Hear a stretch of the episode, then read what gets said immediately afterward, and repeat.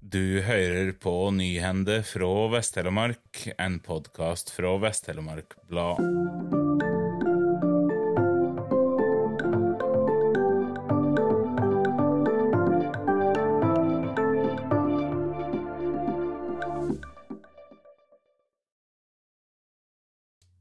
Arvid Tommy Juskås vil gjøre det mer attraktivt å bo på bygda, og da mener han det er viktig at alle skal kjenne seg velkomne og trygge.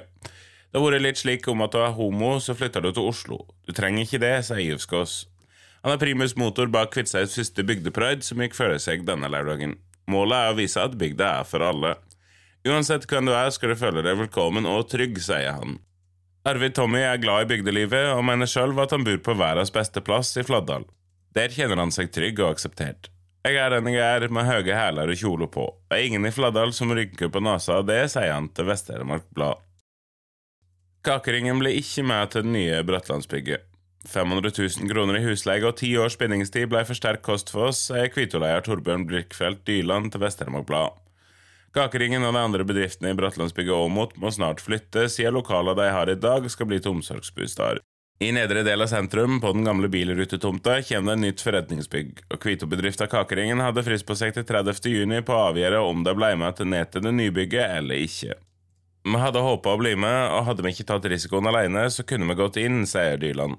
Men med så lang bindingstid så vi oss nødde til å si nei. Hvis Kakeringen skulle gå konkurs om to år, ville vi hatt åtte år igjen av kontrakten, noe som vil si fire millioner kroner. Det er skummelt, for vi veit ikke ti år fram i tid. Vi er styrt av stat og kommune, og det kan svinge hvert fjerde år, det forklarer Dyland. Nabobedriftene Blomen og Bukkane Bruse har ikke fått en slik bindingstid å forholde seg til. Dyland forklarer årsaken til den lange bindingstida for kakeringen er det spesielle tilpassinga denne bedriften trenger.